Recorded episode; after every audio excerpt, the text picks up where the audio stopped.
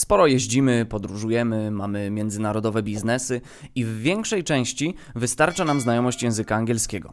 Ale czy wiecie, że w Europie, która dodam w ramach ciekawostki jest najmniejszym kontynentem na świecie, mówi się aż 200 różnymi językami?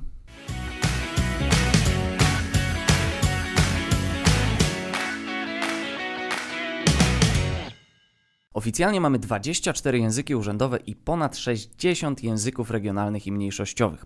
Oczywiście nie wszystkie z nich cieszą się dużą popularnością i czymś, co nas interesuje najbardziej, czyli tak zwanym potencjałem biznesowym.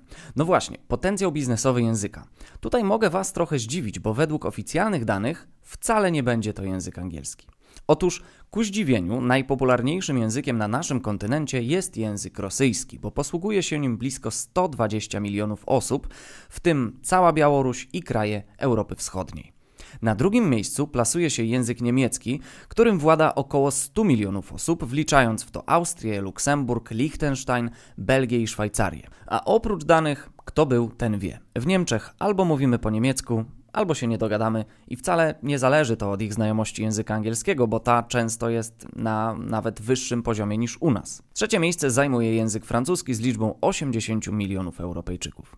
Pomimo tego, że urzędowym językiem jest tylko we Francji, oficjalnie mówi się po francusku w aż 30 krajach, wliczając Belgię, Szwajcarię i Luksemburg.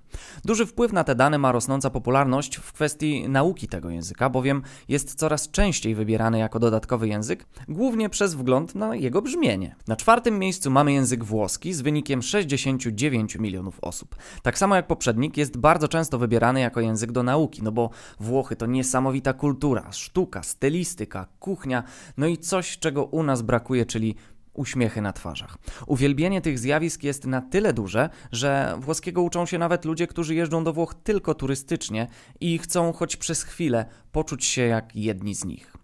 No i ku zdziwieniu na ostatnim miejscu wylądował język angielski z liczbą 60 milionów ludzi. Ale nie powinniśmy się sugerować tym wynikiem, bo mówimy tutaj tylko i wyłącznie o Europie, więc z punktu widzenia użytkowości oczywiście nie pozostawia tutaj żadnego pola do dyskusji. Niemniej same dane wypadają dosyć ciekawie. Równie ciekawie jak język polski, który zajmuje w pewnej konkurencji pierwsze miejsce, a mianowicie trudności. Więc możemy się szczycić, że władamy najtrudniejszym językiem w całej Europie, co mogłoby choć trochę wyjaśnić problemy rodzimych z ortografią, składnią, o regułach gramatycznych nawet nie wspomnę. No i dobrze, ale co z tym potencjałem biznesowym? Tutaj też zaskoczenie. Nie będziemy się kierować popularnością, a lokalizacją. I tutaj na podium stoją języki skandynawskie: norweski, szwedzki, islandzki. Tak wiem, Islandia to oficjalnie nie jest Skandynawia, a także języki holenderski i czeski. Wszystkie są niszowymi językami, ale właśnie dzięki temu najlepiej ich się uczyć.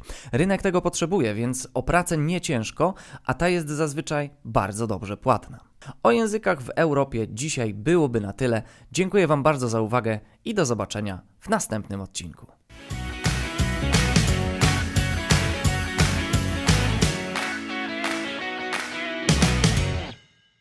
Dogadaj się z każdym człowiekiem na świecie. Przełam bariery w biznesie i na co dzień. Jesteśmy dogadamycie.pl i zadbamy o Twoje tłumaczenia, a Ty słuchasz zawsze dobrych porad z naszego podcastu.